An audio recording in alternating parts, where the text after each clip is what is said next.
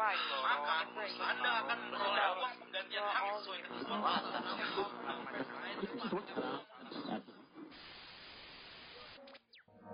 You're listening to Alsa Podcast. Selamat datang di Alsa Podcast. Untuk Alsa Podcast edisi satu kali ini, nama saya Ryan Alfa Ramadan. Nama saya Ahmad Fakih.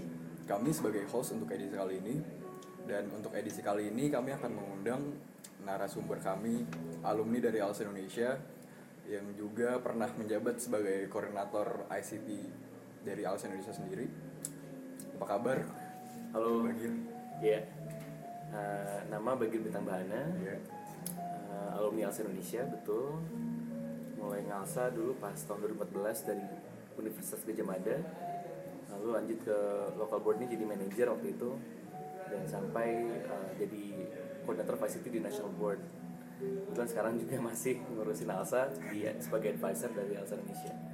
Mungkin kayak awalnya ide ngundang lo gini kayak gue pertama pernah ikut semunas gitu ya Hmm. dan pas lagi pandangan umumnya kan ada yang ngebahas tentang lo itu kan ini gue kayak Oke. udah boleh kan kayak ngejelasin eh ngasih tahu tentang ini kali ya Eh, orang-orang tuh bilang pas kayak pandangan umum tentang lo kayak Bagir taking di ICT itu udah next level nih nah gue kayak gue sebagai kayak orang-orang ICT ya dulu kayak wah kayak gila nih orang Oh iya, gue kan gue nggak tahu ya. Berarti kan pas Iya, pas kayak- nggak ada kan waktu itu. kayak lo kayak tag di ICT tuh the new standard gitu dan gue kayak jadi kayak mungkin kayak lo cocok nih buat jadi narasumber buat podcast ini satu kali ini Oke.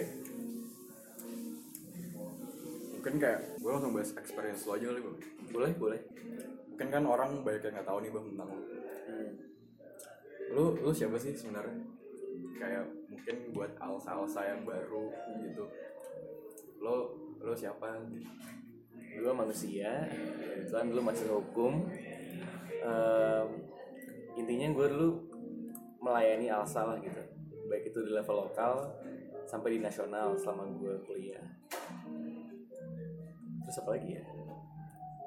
dorongan lo dorongan lo untuk berkecimpung di Alsa itu apa sih bang? Hmm. Kayak asal mula kenapa ini gue berasa gitu kali ya. Em, Sebenarnya simpel aja sih. Dari SMP gue dulu emang suka berorganisasi. Gue suka mencari hal-hal yang nggak pernah ataupun nggak ditawarkan di pendidikan formal kan kayak gitu. Karena ya itu bakal dapetin kesempatan yang lebih daripada cuma di kelas doang. Gitu. Waktu itu akhirnya jatuh pilihan kepada Alsa pada saat maba waktu itu. Karena kebetulan promosinya oke lah gitu bikin gue sebagai maba tertarik waktu itu akhirnya dulu eh, jadi staff di local chapter Universitas Gajah Mada divisi apa sih dulu nah dulu tuh belum ada divisi multimedia jadi dulu adanya itu divisi law development. LDD gitu mungkin di beberapa LC gitu kan. Nah kebetulan pada saat naik di tahun kedua nih muncullah itu eh, divisi multimedia. Waktu itu direkturnya eh, Bang Javas. Dan dia mempionirkan adanya divisi multimedia di sana. Waktu itu akhirnya eh, ya bagaimana caranya long story short gue dipercayakan oleh Bang Javas gitu untuk jadi manajer pertama di divisi multimedia Alsa UGM lalu ya sudah dari situ berkembang lagi lah berproses lagi jadi local board selama setahun sampai akhirnya eh, selesai menjabat di local board eh, Bentar, bentar. sebelum kita masuk ke situ kayak Iya. kenapa lo langsung tertarik kayak di dibilang divisi multimedia gitu kan soalnya kayak Alsa sebagai Asian Law Students Association gitu Hmm. ya namanya udah law gitu ya dan biasa tuh di kayak anak hukum tuh jarang tuh yang terjun ke kayak ke desain Hmm. ibaratnya berkaitan dengan visual dan kenapa kayak lo langsung tertarik gitu wah gue kayak tertarik nih Hmm, baik lagi mungkin ya ke ke zaman SMA dulu gitu. Dulu dulu pas SMA juga osis kan. Terus dulu alhamdulillah jadi ketua osis. Tapi dulu apa ya dulu tuh ngerasa pengen punya sesuatu yang lebih lah gitu. Nggak cuma nggak cuma osis doang gitu. Jadi akhirnya gue dulu berkecimpung lah untuk belajar desain. Terus juga buat video dan lain-lain gitu. Saya, gue pengen osis gue tuh terdokumentasi dengan baik lah dulu. oh jadi awal tuh dari situ ya Iya. kayak dokumentasinya kurang bagus nih berarti kayak Lu Iya. pengen selera lo gitu. iya apa desainnya juga kan dulu kurang gitu kan mumpung mumpung gue dulu ya kasarnya punya apa ya punya tanggung jawab lah gitu kan gue juga pengen ya tadi bring bring apa bring osis to the next level dulu gitu waktu itu. Nah pada saat kuliah uh, balik lagi ke pertanyaan tadi kenapa akhirnya gue langsung oke waktu itu untuk cobain di multimedia? Karena menurut gue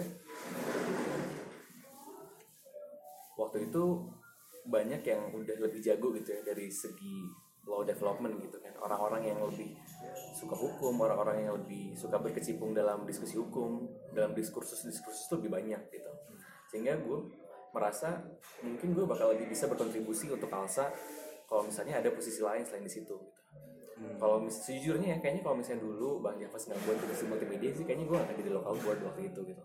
Karena gue percaya orang-orang yang jauh lebih mengerti dan paham dan tertarik dengan hukum as informal gitu lebih banyak daripada gue gitu.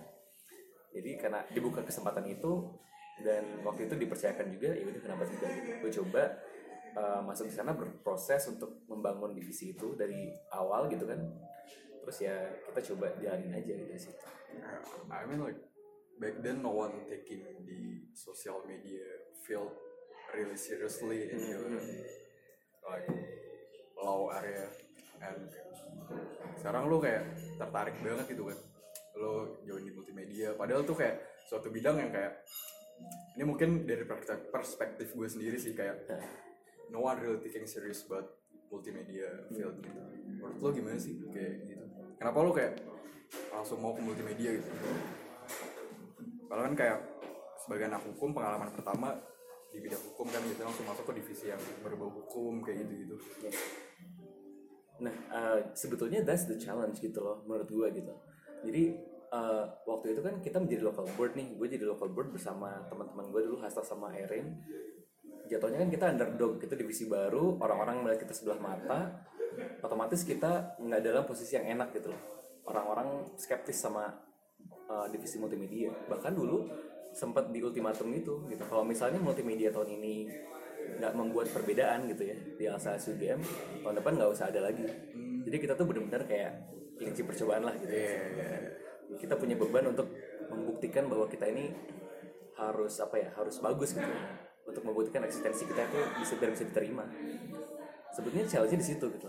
Dan gue suka challenge yang kayak gitu karena otomatis ya kita harus terpacu untuk membuktikan diri gitu kan.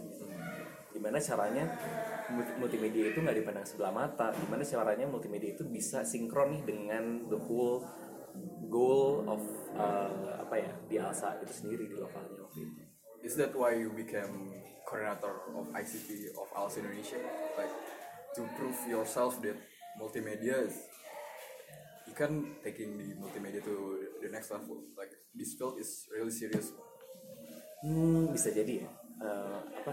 Karena banyak orang-orang masih belum connect gitu kan. Apa sih yang bisa multimedia lakukan untuk enhance eh, legal aspects dari Alsa itu sendiri kan kayak gitu. Eh, orang-orang masih belum paham gitu, belum punya edukasi-edukasi yang cukup. Makanya orang-orang masih mandang multimedia sebagai sebelah mata. Makanya gue waktu itu dulu ya pengen menghubungkan gitu loh bahwa they can go work together gitu bahkan mereka bisa mengenhance juga legal aspects dari Alsa itu sendiri dengan publikasi yang baik dengan desain yang bagus karena sekarang tuh sosial media kan udah banyak banget ya. hmm. orang tuh kayak udah semakin banyak kayak misalkan info-info hukum dan kayak tugas lo nih kayak memproduk itu gimana bisa mengkomunikasikan ke orang gitu kali ya exactly kayak kenapa orang kayak kenapa gue harus baca konten lu kenapa nggak konten yang lain padahal sama kontennya kayak Iya. gitu Iya. kalau dulu kan mungkin kita cuma cuma bisa punya dapat akses pendidikan hukum itu cuma dari artikel doang atau dari berita-berita gitu kan yang sangat konvensional lah gitu padahal kan eh, mungkin orang-orang terutama di Indonesia ya yang apa ya daya bacanya kurang terus juga tidak terlalu peduli dengan hukum. Kita we, we have to find ways gitu gimana caranya eh, aspek legal ini bisa atraktif dan juga menarik untuk dikonsumsi buat orang-orang gitu kan. Dan mudah dimengerti juga gitu baik itu dan untuk untuk mahasiswa non mahasiswa orang-orang secara keseluruhan umum gitu kan. Nah I think this is where multimedia should came in gitu. Dan uh, gue waktu itu ya berusaha seoptimal mungkin untuk to capitalize on those chances Good. Alright. for the past five minutes we only talk about multimedia, but uh, people don't know about that. You are the Mapres of Alsa LCU game. Mapres mahasiswa berprestasi. Iya. Yeah. yeah. How you balance it? Like, because kayak orang multi biasanya kalau di multimedia kayak udah fokus aja di multimedia nih. Hmm. Akademiknya kadang suka ketinggalan. How you balance both of it?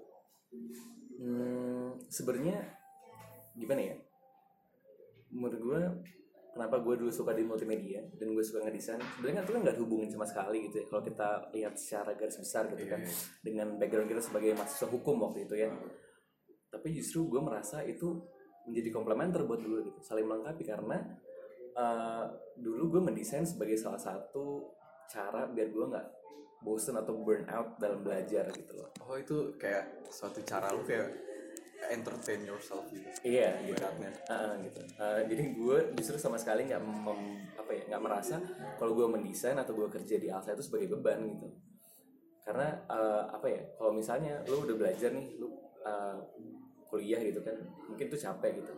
Tapi kalau misalnya lu anggap passion ini juga sebagai beban, yang menurut gue sulit gitu.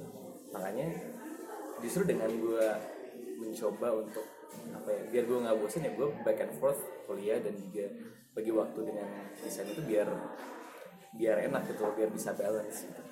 jadi pada ada waktunya gue fokus untuk uh, doing what I love tapi ada juga waktu di mana gue fokus untuk menjalankan kewajiban gue sebagai mahasiswa hukum. Biasanya kan kayak ada stereotip gitu kan kayak gue mau ke multimedia karena passion gue di sini nih. Dan gue kayak kayak gue gak cocok di hukum nih makanya gue kayak biasanya di fokus di multimedia. Tapi lo kayak you doing it oh, very greatly kayak dua-duanya kayak lo di akademik masih berprestasi. Gitu.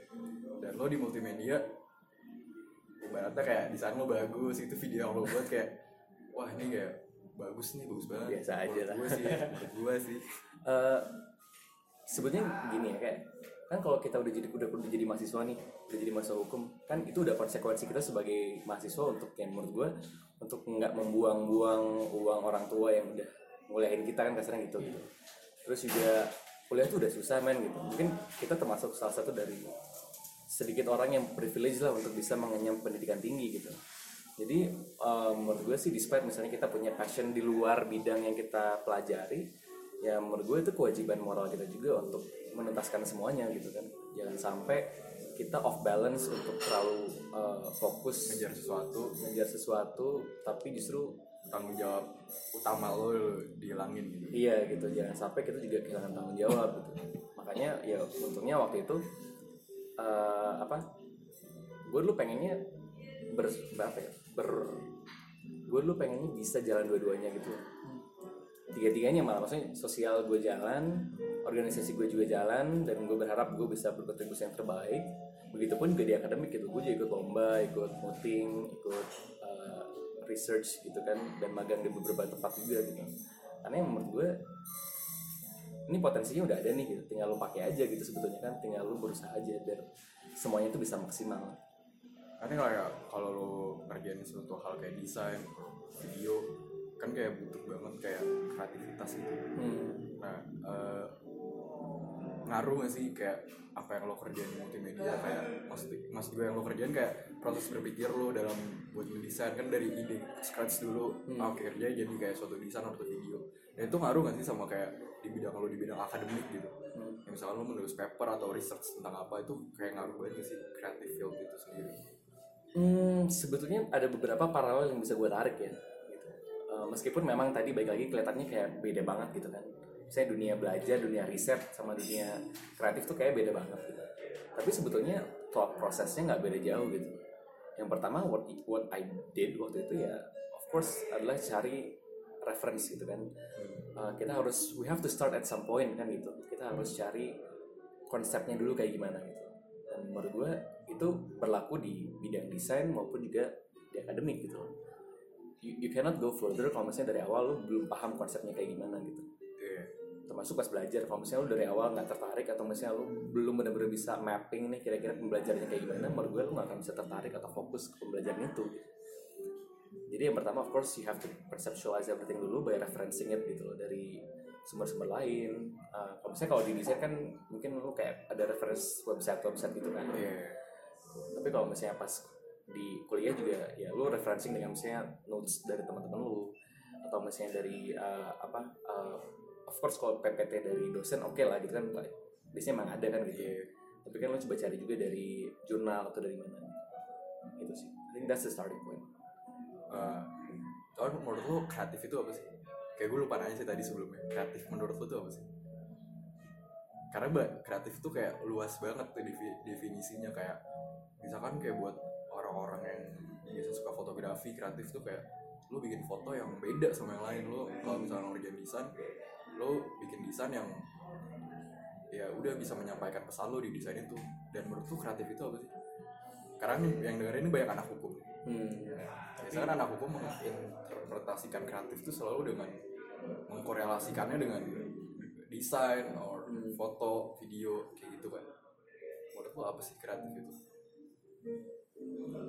Menurut gue sih kalau misalnya ada orang yang bilang oh kalau lu kreatif berarti lu menciptakan sesuatu yang original misalnya kayak itu kan. Tapi menurut gue sih nothing is original anymore gitu loh di zaman sekarang ini kan gitu. Kita nggak ada yang namanya in, an actual kayak legit invention baru gitu. Yang ada adalah lu kayak lu menciptakan sesuatu dari iterasi-iterasi yang udah ada sebelumnya gitu. Atau lo menggabungkan iterasi-iterasi yang sudah ada gitu kan. Jadi menurut gue sih uh, kreatif itu ya nggak seharusnya dikorelasikan dengan dunia desain doang gitu kan. And then you found out your ideal uh, learning solution yang menurut gue itu kreatif juga gitu kan. Atau misalnya uh, kalau di dunia akademik lagi uh, lu belajar untuk mencari uh, legal vacuum gitu atau misalnya celah-celah hukum yang menurut gue sih masuk hukum masih sangat jarang untuk sampai ke situ gitu kan. Dan menurut gue itu kreatif juga gitu. Jadi I don't think creativity has boundaries gitu loh. So creativity is not exclusive for only like artsy people. People say. Ya everyone can be creative in their own rights and in their own perspectives. Dan menurut gue sih udah seharusnya orang-orang berpikir seperti itu sekarang gitu kan. Karena kayak ada stereotip nih kayak anak hukum tuh kayak ya lu hukum gitu. Lo kayak strict to the rules. Hmm. Dan kayak gitu kaku jadi kaku gitu dan lu kayak misalkan kayak udah denger kata kreatif kayak bukan anak hukum banget lah ibaratnya ya ya, ya. nah, nah, think ada kayak stereotip kayak gitu ya Iya iya. Eh, sebetulnya sih menurut gue the unique way gitu loh dengan kita belajar hukum yang strict gitu kan dan apa ya sebetulnya nggak strict juga sih masih banyak gray area juga kan. Iya, gitu. iya, iya. Tapi maksudnya kita terbiasa untuk eh, membaca sesuatu ada legal basisnya gitu kan berargumen ada dasar hukumnya ada peraturannya dan lain-lain. Tapi dengan kita juga bisa berkreatif dalam quote unquote kayak dalam bidang yang lain menurut gue dengan demikian kita jadi balance lagi gitu loh. Karena bukan berarti kita cukup ngikutin hukum atau apa ya peraturan toh tapi juga we can find and make ways around it gitu loh. Dengan kreativitas kita tanpa benar-benar eh, apa ya mendobrak ataupun eh, mengganggu peraturan-peraturan ada. Gimana ya bahasanya? Mungkin kayak opinion pribadi lu. Kayak kan misalkan acara itu. Iya. Kayak gimana cara dia ngebela kliennya? Kayak ya lu harus berpikir kreatif gitu. Kayak lu harus berpikir dari sudut pandang A B C D. Buat menemukan satu oh gue bisa nyari celah di sini nih.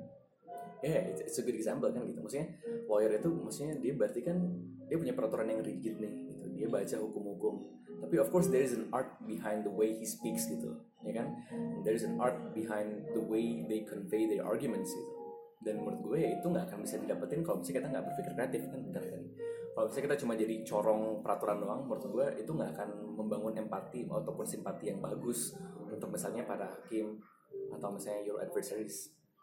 Makanya menurut gue sih justru dengan kita mastering both uh, both sides gitu ya dan kita paham bagaimana caranya kita strict dan juga uh, apa memahami peraturan tapi on the other side kita juga bisa jadi kreatif I think it's a perfect balance yang mungkin nggak semua orang bisa dapetin gitu. Dan itu cuma bisa didapetin kalau misalnya ya kasarnya lu masuk hukum tapi lu juga menggeluti bidang-bidang kreatif yang ditawarkan di situ juga gitu.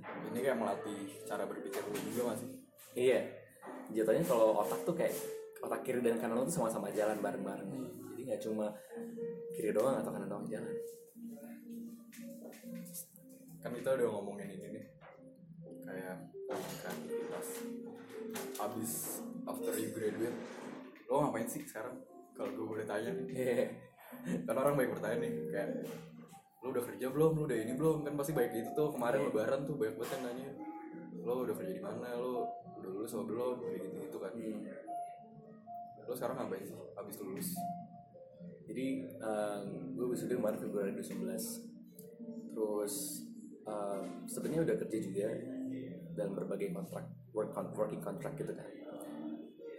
Memang yang apa waktu itu alhamdulillah gue juga setelah gue lulus gue daftar ke salah satu perguruan tinggi untuk masters Uh, dan alhamdulillah keterima di mana tuh kalau boleh tahu di di Belanda di Leiden Universities gitu.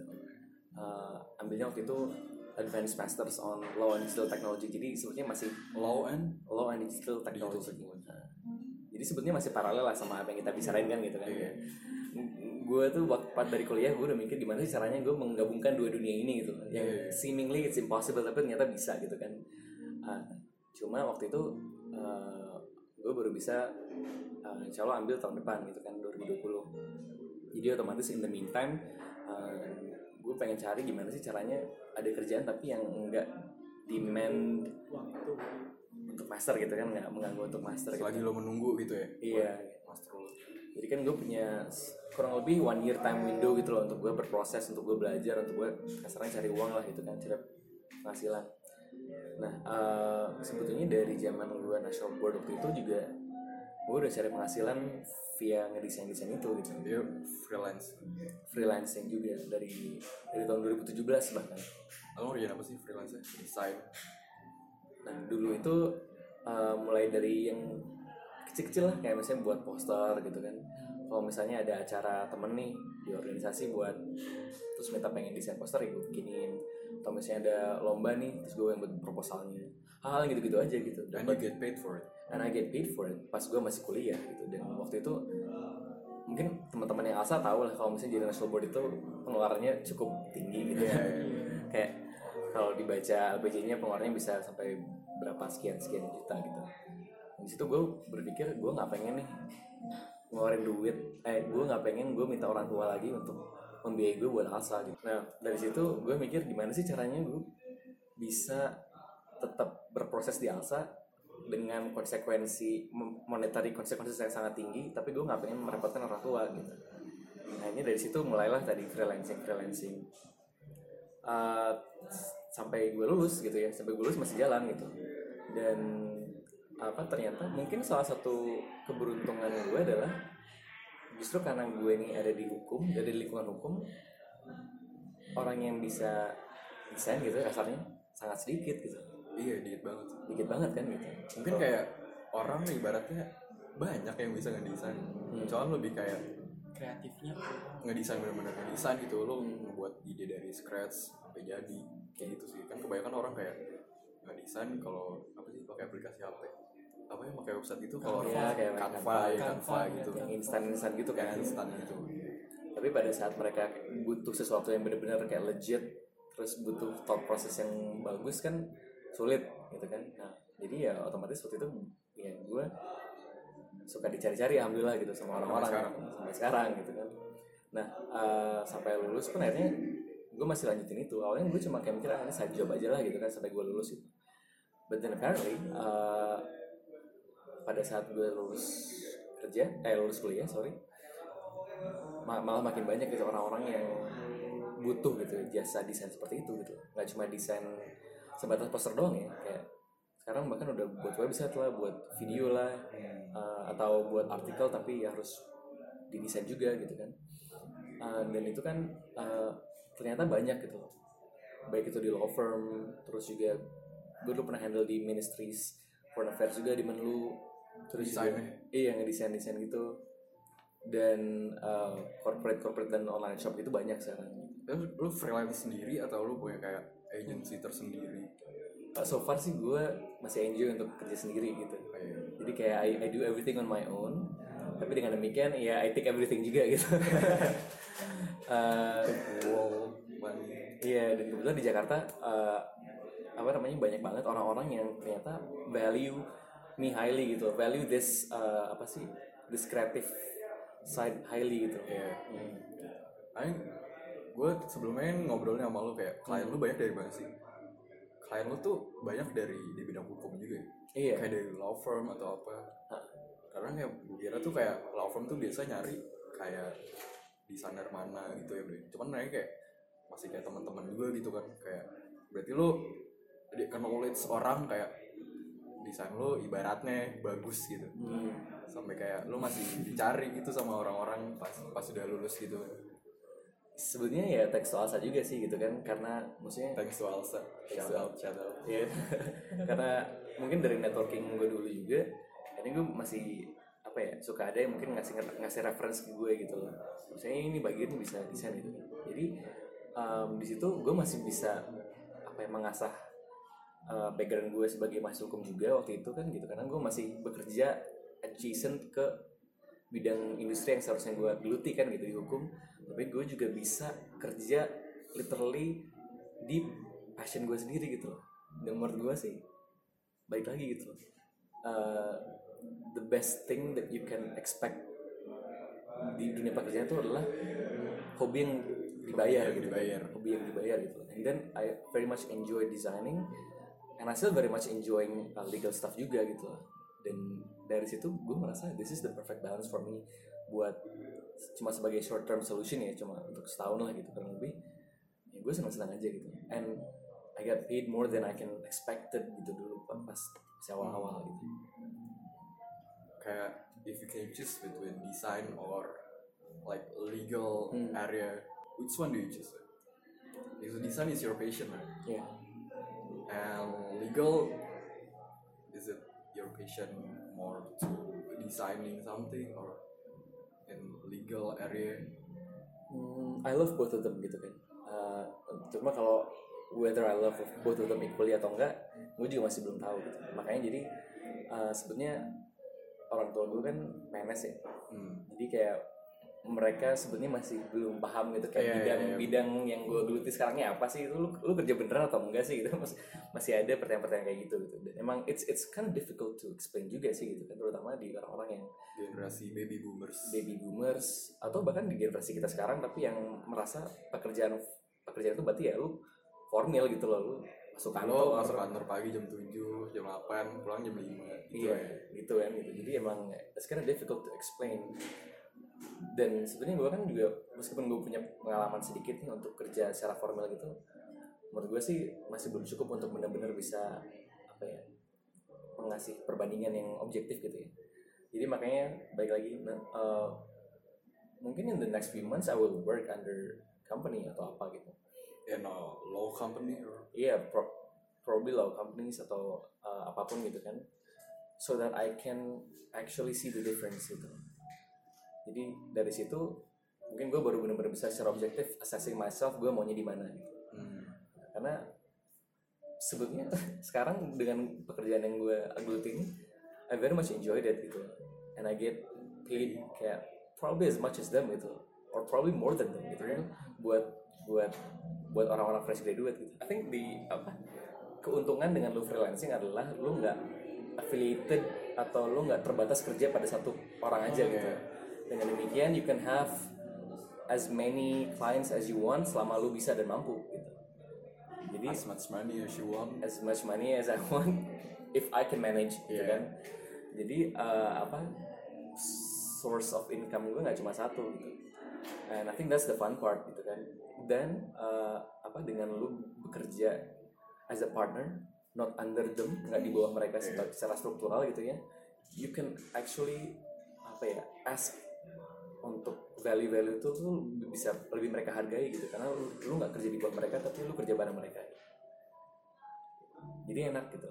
Uh, we can set uh, the price sheet gitu kan price range nya berapa Iya. gitu. Fleksibel dan gue nggak harus kerja 7 to 5 atau 9 to 5 or 9 to 9 gitu kan kadang-kadang gitu kan. I can work anywhere I want. I don't work under anyone but I work with people. Dan have the chance to probably get more than apa ya dan dari dari pekerjaan-pekerjaan yang biasa gitu. uh, you get paid for your passion jadi kayak kan banyak nih orang kayak mulai kayak generasi kita ya Hmm. kayak ah gue mau ngejar passion gue jadi gue mau kerja sesuai dengan bidang passion gue gitu Iya. cuman kadang it doesn't work for them Hmm. why it's work for you I think the key is to always trying gitu. Nggak ada lagi gitu. Eh, gue kan maksudnya sampai bisa mungkin ada di posisi yang menurut gue sudah cukup mumpuni gitu ya sudah cukup nyaman gitu kan untuk umur kayak baru lulus gitu. It it it does not came in one day atau in one month gitu. It started back way pas gue mahasiswa dulu gitu. Waktu itu gue masih masih bingung caranya nyari uang gitu kan masih sementara pengeluaran gue waktu itu untuk jadi national board banyak. Dan apa ya uh, it came a long way gitu. and you have to trust the process and you have to kayak focus on it gitu. Karena um, apa namanya menurut gue sih kalau lu nyerah lu baru gagal gitu. Iya kayak gue kayak pernah dengar siapa gitu omongannya. Kayak kalau lu tua nih terus lo kayak menyesal dengan apa yang gak lo lakuin di masa dulu. Padahal lu pengen banget lu lakuin cuma lu udah tua akhirnya lu gak mau lakuin itu. Dan itu kayak that's the worst part. Ya. kayak lu menyesal lu menyesal gitu kayak kok gue nggak ngelakuin ini dulu? Padahal mungkin kayak jalan gue bisa beda gitu. Ya. Dan gue pun maksudnya nggak nggak tiba-tiba langsung works gitu aja ya kayak Iya, seperti iya. yang tadi gitu. Kayak I I failed a lot gitu. Loh tapi you can fail more so that you can fail better so you can actually work on it gitu loh so you, you, you learn by experience right?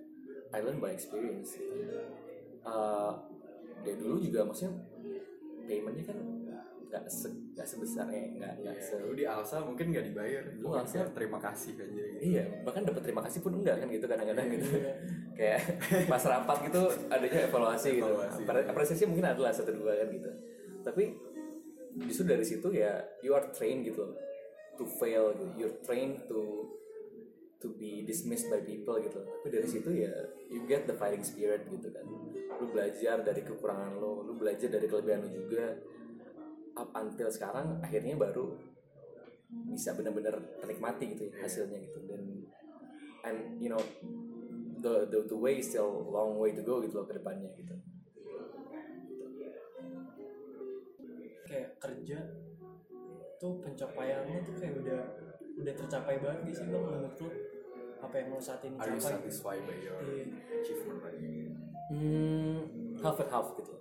Di satu sisi gue seneng karena eh, apa ya gue bekerja sesuai passion gue gitu kan and I get paid for it. Tapi tentu menurut gue sih there is no room for prolonged satisfaction sih. Iya iya. lo harus tetap kayak push yourself to the limit gitu kan. Uh, work for the bigger fish misalnya kayak gitu atau uh, you, you work on more projects dan makanya apa namanya menurut gue sih kalau misalnya lo sampai di satu titik di mana lo merasa puas menurut gue di situ lo bakal gagal gitu loh. Karena dengan demikian lo nggak punya motivasi lagi untuk melebihi dari apa yang lo punya sekarang gitu. Dan sejujurnya kan maksudnya gue pun sebagai orang yang masih muda gitu ya ya masih banyak banget potensi yang masih belum gue Bikin lagi. Iya, yang masih belum gue dapetin kan gitu, yang masih bisa gue gain gitu. Masih banyak pengalaman hidup yang belum gue alamin, Eh, masih banyak juga eh, apa namanya hal-hal lain yang belum pernah gue rasain sebelumnya gitu. Dan, of course I will I will fail gitu loh, probably in the first and second time atau mungkin for the third tenth time gitu loh. Tapi I won't stop gitu karena menurut gue ya balik lagi gitu. Eh, if you're done with yourself, ya menurut gue that's where the failure comes in. Iya. iya. Karena gini kayak gue mau ngebahas yang lain lagi sih kayak Nah, gue tadi lupa lo nyebutin Leiden University Ah. yang itu bukan universitas ece-ece gitu kayak kayak gue nge-search di Google gitu ya kayak one of the top rank uh, law faculty in the world gitu hmm. gimana sih caranya lo kayak bisa akhirnya lo dapet gitu di sana di Leiden Sebenarnya kayak kalau masalah teknik teknis gue masuk gue juga nggak tahu ya. Maksudnya kan itu kan dari mereka aja kan gitu. Or you send your CV or uh, there's an Iya, interview. eh, jadi waktu itu prasyarat seperti ini. Tapi maksudnya apa yang terjadi di belakang gue juga nggak tahu kan gitu kan. Iya. maksudnya nggak nggak setransparan itu juga mereka. Tapi waktu itu gue daftarnya pertama of course CV um, dan at least you have kayak your expertise di luar dari kuliah doang gitu jadi misalnya lo organisasi ya organisasi lah atau misalnya lo ikut lomba atau misalnya lo ada ikut volunteering di mana gitu it's a plus for them dan uh, meskipun sebetulnya mereka nggak menyebutin secara eksplisit juga kayak your minimum GPA itu berapa uh, jadi gue agak bingung What's your juga. GPA? Uh, If you can tell us all the Iya. cum laude, cum laude. Oh, Iya. gitu. Eh, terus apa namanya? Lo harus punya recommendation letter dari dua orang yang prominent gitu. Jadi orang-orang yang mengendorse lu yang yang menulis surat kalau misalnya lu itu memang let's say you're qualified for the for the education gitu. Jadi waktu itu gue minta profesor gue dulu di kuliahan sama eh, apa orang tempat gue magang dulu waktu di Mahkamah Agung. Jadi gue dapat endorsement dari mereka, gue masukin ke ke attachmentnya juga gitu. Terus eh, ini juga apa nggak nggak wajib, mungkin tiap univ beda-beda, tapi ada univ di mana mereka meminta esai, esai dan motivation letter. Gitu. Kalau motivation letter ya gimana caranya lu eh, menjual diri lu sendiri gitu ya. Di dalam surat itu why we should accept you gitu loh Uh, why the why the university should accept you untuk master ini dan juga kalau essay biasanya mereka yang accept topiknya apa and you have to kayak research on it lalu ya tinggal tunggu aja sih beberapa and then you got it. iya beberapa bulan dan I, eh, I eventually alhamdulillah got it gitu Gitu. sebenarnya simpel sih kalau Oh, ya. dengarnya gitu gitu kan tapi the the journey to Iya, to achieve it itu eh, lumayan Gue mau balik lagi nih, hmm. Mau ngomongin tentang Alsa sekarang. iya Eh, lo kan sebagai advisory council kan? hmm. Eh, dan lo gue pernah baca nih tulisan lo di Medium Iya. judulnya tuh Asian Law Student Association ALS Indonesia status quo dan potensinya yang belum teroptimalkan Iya. ini maksudnya apa sih ini Ini sebelum pendengarnya kayak udah emosi aja nih Maksudnya Iya. belum, terop- bener- belum teroptimalkan nih maksudnya apa gitu Em, jadi gue kan kasarnya pada saat kuliah gue tuh nggak pernah berhenti ngalsa ya. Iya. gue maba sampai gue lulus. ALS terus. Nama satu masih attach di gue gitu kan. Dan em, gimana ya eh, semakin lo lama berkecimpung dalam sesuatu semakin lo paham juga kelebihan dan kekurangannya biasanya kayak gitu kan. Hmm. nah em, apa namanya menurut gue sebenarnya banyak pasti yang kritis ya tentang Alsa gitu kan. Iya. Nggak cuma artikel itu doang gitu tapi pasti orang-orang juga nggak bicarain di belakang tentang kekurangan mungkin di lokal chapter mereka lah. Lo dulu doang sih yang buat artikel gini. Iya kebetulan gitu gitu. Iya. Nah eh, jadi sebenarnya sih menurut gue kalau lu udah cukup lama berkecimpung di Alsa kan lu pasti tahu juga gitu kekurangan kekurangannya apa gitu kan gitu. Dan mungkin seharusnya itu bisa diperbaiki.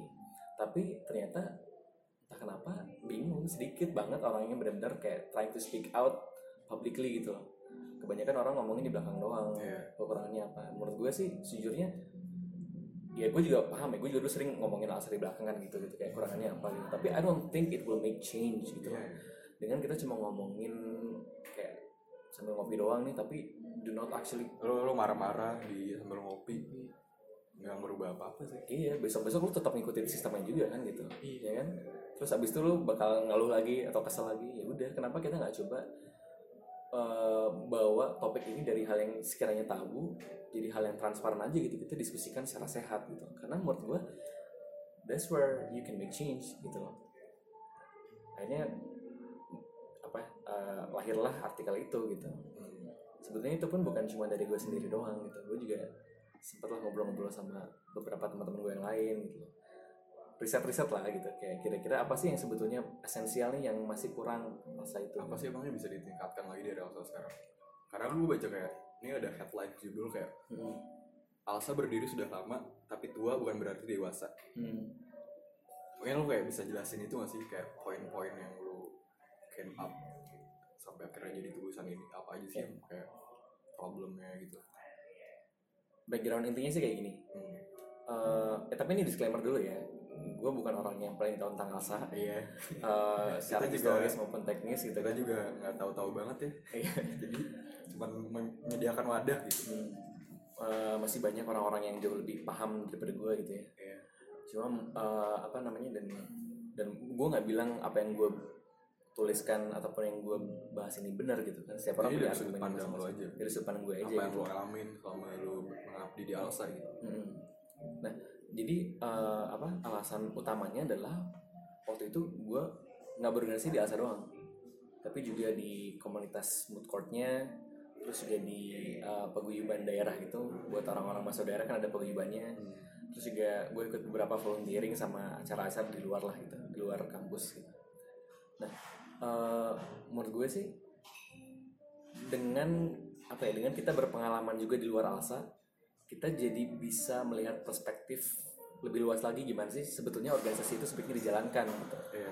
Nah, eh, kalau misalnya kita cuma Alsa doang nih misalnya dari Alsa tok beneran dari dari awal sampai sekarang menurut gue sih agak sulit untuk melihat di mana kekurangan Alsa gitu. Karena lo berpatok di Alsa aja. Karena berpatok di Alsa aja. Kita nggak punya uh, reference point atau perbandingan gitu yang Iya. adequate untuk benar-benar bisa jadi apple to apple lah gitu. Nah dari situ gue belajar dari luar Alsa gitu justru malah. Ada banyak-banyak. Sebenarnya Alsa itu udah bagus ya. Maksudnya dengan dengan berbagai achievement yang udah kita capai bareng-bareng. Historically udah lama juga udah skalanya juga besar. Dan gue nggak bilang Alsa itu jelek dalam semua enggak gitu. Cuma ada poin-poin yang menurut gue masih sangat bisa kita optimalkan gitu seperti yang di artikel itu. Oh nyebutin poin-poinnya itu nah boleh. Boleh. Ya apa aja tuh Eh, yang pertama kan kayak basically it it, works on uh, the system gitu kan gitu. Eh, menurut gue banyak sistem-sistem di Alsa Indonesia secara keseluruhan yang masih nggak efektif gitu kan. Masih banyak yang lebih masih banyak yang lebih uh, efektif daripada ya yang yang udah biasanya kita kerjain. Contohnya kayak misalnya di national board. Waktu itu kan di national board gue cuma ada 9 orang. iya Padahal eh, kita harus melayani kasarnya 3.000 4.000 lebih mahasiswa hukum di Indonesia gitu. I think eh, untuk perbandingan segitu menurut gue sangat tidak adequate gitu ya. Dan gue sangat merasakan betapa nerakanya gue dulu eh, sembilan orang doang sembilan orang doang. Dari 14 lokal chapter gitu Iya, sebesar itu men gitu. Dan gue dulu maksudnya the risk of you being a national board itu berat banget sampai benar-benar ya it may threaten your your actual life itu loh untuk untuk benar-benar bisa optimal di sana gitu. Uh, sementara di organisasi lain ternyata mereka punya sistem structure yang lebih bagus gitu, yang lebih optimal, yang lebih manusiawi lah daripada yang ada di Alsa gitu. Dan mereka benar-benar bisa reach out lebih baik juga dan lebih jauh daripada yang kita punya sekarang. Itu satu misalnya. Eh, poin lainnya ya lebih ke kayak em, dia kayak sistem forum atau organisasi kita dijalankan lah gitu. Menurut gue kita masih terlalu apa ya masih terlalu terfokus pada evaluasi tapi bukan apresiasi gitu. Jadi budaya meritokrasi di Alsa itu masih sangat masih sangat kurang gitu. Makanya itu juga yang biasanya apa namanya yang biasanya jadi salah satu faktor alasan kenapa banyak orang nggak lama-lama di Alsa gitu maksud misalnya gue dari kayak evaluasi daripada apresiasi. Maksud poin itu tuh apa sih? Eh, jadi gini kan lu berorganisasi kan you, you voluntarily join Alsa kan gitu. Iya. Dan lu nggak datang karena economic motif atau apa tapi lu pengen belajar gitu. Tapi em, dari yang gue observe sih banyak juga orang-orang yang ter, tersaring hukum alam di Alsa gitu ya. Jadi orang-orang keluar dari Alsa orang-orang jadi benci Alsa orang-orang jadi em, punya sentimen-sentimen buruk terhadap Alsa gitu. Padahal Alsa is a good place for you to to learn it kan and to to achieve something new gitu. Tapi baik lagi gitu mungkin you as a person and we as a person we we naturally would like to ya of course have credit of what we're doing juga gitu loh. Dan kadang-kadang eh, itu yang nggak terjadi gitu apresiasi so. Eh, di di Alsa itu gitu apresiasi. Bahkan sebenarnya di perusahaan-perusahaan sekarang kan mereka udah mulai they are transforming their identity and the way they uh, they work gitu loh. Karena mereka juga merasa oh uh, the employee the employee itu juga perlu untuk diapresiasi dikasih bonus dikasih insentif gitu kan. Uh, mungkin kalau di Alsa nggak nggak secara monetary ya. Iya. Tapi at least selama Alsa itu bisa memberikan ruang kerja yang kondusif, inklusif dan juga bikin lo nyaman, ya menurut gue sih itu bisa lebih bagus gitu. Selama ini tuh menurut gue banyak dari cara kerja kita di local chapter maupun di national chapter itu ya kita dieksploitasi aja gitu loh tanpa benar-benar pertama dapat apresiasi yang baik atau dua dapat value atau learning point atau evaluasi yang benar-benar baik juga dan yang ketiga yang benar-benar bisa membuat perubahan gitu menurut gue kita masih belum bisa benar-benar membuat perubahan sebagai sebagai organisasi gitu.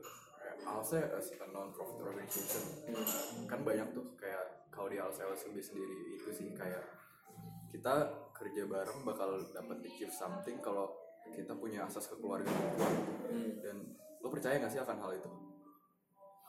Ini menurut gue never ending debate sih. Setiap orang setiap angkatan tuh punya inilah. uh, perspektifnya masing-masing ya gitu. Ini perspektif dari gue sih. Kayak kalau lo mau achieve something sebagai organisasi yang non profit dan lo gak dibayar, lo kayak punya harus punya. Lo berteman baik dengan orang ini dan lo kayak ya itu sih kayak lo bilang lo mengapresiasi orang, lo menghargai orang kayak gitu ya. menurut gue sih dua-duanya harus jalan. Maksudnya keluargaan keluargaan harus ada value itu harus kita jaga bahkan harus kita lestarikan gitu kan. Tapi juga profesionalitasnya juga harus jalan gitu. Kadang kalau kesantaian juga ya, kalau kekeluargaan doang. iya kadang-kadang malah ah jadi lu jadi nggak enakan gitu. Kalau misalnya lu nyuruh orang atau misalnya lu jadi ya mungkin merasa nggak dihargai itu kan sebagai anggota misalnya karena terlalu dekat misalnya. Jadi uh, emang menurut gue to achieve balance antara professionalism dan kekeluargaan itu sulit gitu kan tapi I think that's how we should do it gitu loh. Kita harus paham gimana caranya kita harus bekerja profesional tapi juga kita tidak menghilangkan value-value kekeluargaan itu gitu. Karena menurut gue pros and cons-nya ada banyak nih kalau kalau kita terlalu fokus ke kekeluargaan aja misalnya. Kalau kita terlalu fokus ke profesionalitas aja gitu. Ada poin-poin lagi yang mau sampaikan di tulisan lo. Lagi ya Menurut lo yang paling substansial dari keseluruhan tulisan lo nih mengenai hal ini gitu. Yang lo mau bicarain di sini. Kayak misalnya bentuk apresiasi apa gitu yang pantas kalau misalnya kata abang kan tadi harus ada bentuk apresiasi gitu Oh, eh kalau itu sebenarnya lebih ke dari inklusif dari local boardnya aja ya atau dari pengurusnya gitu loh. Dan menurut gue sih itu lebih gampang gitu kan. Maksudnya kalau misalnya memang pengurusnya udah sadar, menurut gue itu bisa lebih mudah untuk dilaksanakan. Kayak mungkin salah satu hal substance yang gue mau highlight juga itu lebih ke kayak kebermanfaatan Alsa itu sendiri buat membernya dan juga buat orang lain gitu loh. Eh, selama ini kan kita selalu memarketingkan Alsa ini sebagai wadah per- perkembangan gitu kan, wadah orang-orang untuk belajar gitu kan, baik itu hukum ataupun non hukum gitu kan. Nah cuma eh, kita belum berpikir gimana caranya sih untuk bisa bermanfaat buat orang lain di luar member Alsa itu sendiri. Padahal gini, nih, eh, kalau coba kita mikirnya kayak gini, Alsa itu kan organisasi mahasiswa hukum yang besar banget nih. Kita tersebar di universitas-universitas ternama di Indonesia, terus kita juga secara scale banyak gitu kan, SDM kita juga nggak sedikit. Tapi sebetulnya isunya kan kita berkecimpung di dunia hukum nih. Tapi di Indonesia ini masih banyak banget orang-orang yang buta hukum gitu due diligence of law itu masih belum jalan di Indonesia gitu. Masyarakat Indonesia masih belum paham soal misalnya peraturan-peraturan. Terus eh, intinya adalah eh, pada saat mereka harus berhu- berhubungan ataupun berhadapan dengan hukum mereka nggak ngerti gitu. Dan menurut gue sih meskipun memang kita tadi balik lagi organisasi berbasis asosiasi yang memang harus lebih kayak memikirkan internalnya tapi kenapa kita nggak mulai untuk bermanfaat buat orang lain sih gitu That's what make us different with EO. ya So like kita berkontribusi ke masyarakat juga. Hmm, gitu. Dan menurut gue itu value yang sampai sekarang masih belum potensi yang masih belum terfikirkan bahkan mungkinnya gitu ya. Orang-orang masih mikir eh gimana sih biar jadi LC yang bagus gitu. Gimana sih internal kita baik bagus ataupun solid gitu kan. Tapi kita belum pernah mikir sebetulnya I think the actual problem of kita kalau misalnya kita mau kita tackle adalah itu tadi gitu. Masalah hukum yang selalu terjadi di luar kita dan di sekitar kita gitu. Iya sih. Mungkin kita kayak lebih memikirkan tentang internal kita sendiri kayak evaluasi kayak gitu-gitu. Cuman kita kayak kurang memikirkan tentang outputnya yang di masyarakat tuh apa gitu. Iya. Padahal tadi dengan potensi yang kita punya we can be an agent of change. Itu loh buat mereka mereka ini gitu. Buat mereka yang mungkin nggak pernah eh, mengenyam pendidikan tinggi gitu kan. Atau misalnya mereka mereka yang takut ataupun nggak paham hukum. Mereka kan sangat mudah untuk dikelabui gitu loh. dan dan the history uh, speaks for itself gitu loh. Banyak orang-orang termakan penipuan gitu kan. Terus mereka bisanya nggak lewat pengadilan tapi kalau misalnya apa main hakim sendiri kalau misalnya ada apa-apa kan gitu padahal ya menurut gue sih salah satu tugas kita sebagai mahasiswa juga adalah ya untuk menjadi edukator gitu karena baik lagi kita salah satu dari beberapa orang aja yang dapat privilege untuk dapat uh, pendidikan tinggi gitu kan apalagi di hukum ya and I think it, it should be our moral obligation to share to others gitu. dan melalui platform Alsa ini menurut gue kita sangat-sangat bisa untuk melakukan itu sangat bisa ya sebenarnya Iya. Dan sebetulnya itu yang juga mungkin beberapa organisasi lain sudah lakukan gitu. Jadi sebenarnya Alsa ini eh, ketinggalan juga gitu ya kalau dibandingin yang lain. Gitu. Iya. Menurut gue sih nggak ada salahnya kita harus belajar dari organisasi yang lain. Kita cari tahu gimana sih caranya mereka bisa bermanfaat buat publik, buat masyarakat gitu kan. Gitu. itu pesan-pesan dari Bagir untuk kepengurusan semua kepengurusan kali dan member juga udah setengah jam lebih sini kita ngobrol-ngobrol kayak ada pesan terakhir buat Buat siapa nih? ya buat siapa aja sih. buat Alsa. keluarga buat orang tua Alsa. Buat Alsa aja kali ya. buat Gogor. Buat buat Gogor, buat naik buat kepengurusan selanjutnya juga bisa. Atau apa ada pesan-pesan terakhir bang? Hmm, intinya sih menurut gue eh, buat orang-orang yang juga masuk hukum tapi juga ikut alsa menurut gue em, jangan apa ya apa namanya? Eh, mungkin pesan-pesannya buat orang-orang yang masih berproses nih di alsa gitu kan. Em, menurut gue sih baiknya kalau misalnya lo punya unek-unek nih lo punya sesuatu hal atau komentar eh, coba dibicarakan ke ke boardnya gitu atau ke pengurusnya. Karena menurut gue sih eh, kebanyakan pada jadi staff kita takut gitu untuk bersuara kan gitu. Kita takut untuk eh, memahami sesuatu.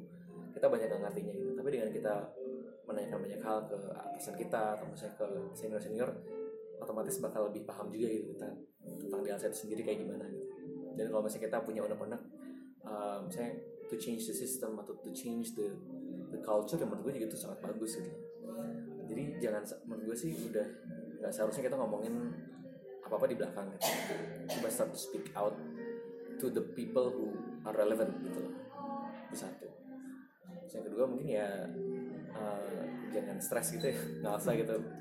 Just have fun gitu karena Alsa will take you to unexpected places like I did gitu loh. Kayak kalau gue dulu nggak ngalasa mungkin gue nggak bakal bisa di posisi gue sekarang gitu. You, you never thought that you get paid by working on your patient design or videography iya. And I think pretty much sedikit banyak Alsa is the reason why it enables me to do so gitu loh. Gitu kan. Uh, dan semua orang juga punya caranya masing-masing lah gitu. Cuma ini cuma kayak bagian pieces manfaatnya aja yang gue kebetulan bisa dimanfaatkan untuk jadi keberlangsungan gue sekarang gitu. teman-teman punya bisa punya caranya masing-masing gitu nggak harus cuma di creativity doang gitu kan. Tapi in the end uh, also would bring you some unexpected benefits that you don't expect. So, terima kasih Bang Bagir Oke. yang mau menyempatkan diri. Karena kita sekarang lagi di Jakarta ya. Iya. Udah kali ya? udah lama? Udah. Ya nama saya Ranel Ramadan nama saya Ahmad Fakih. Cuma saya bagi bintang bahana pamit. See you on another episode. Pamit. Assalamualaikum wassalamualaikum warahmatullahi wabarakatuh. Bye. Uh, together will be connected as one Alsa. Always always be one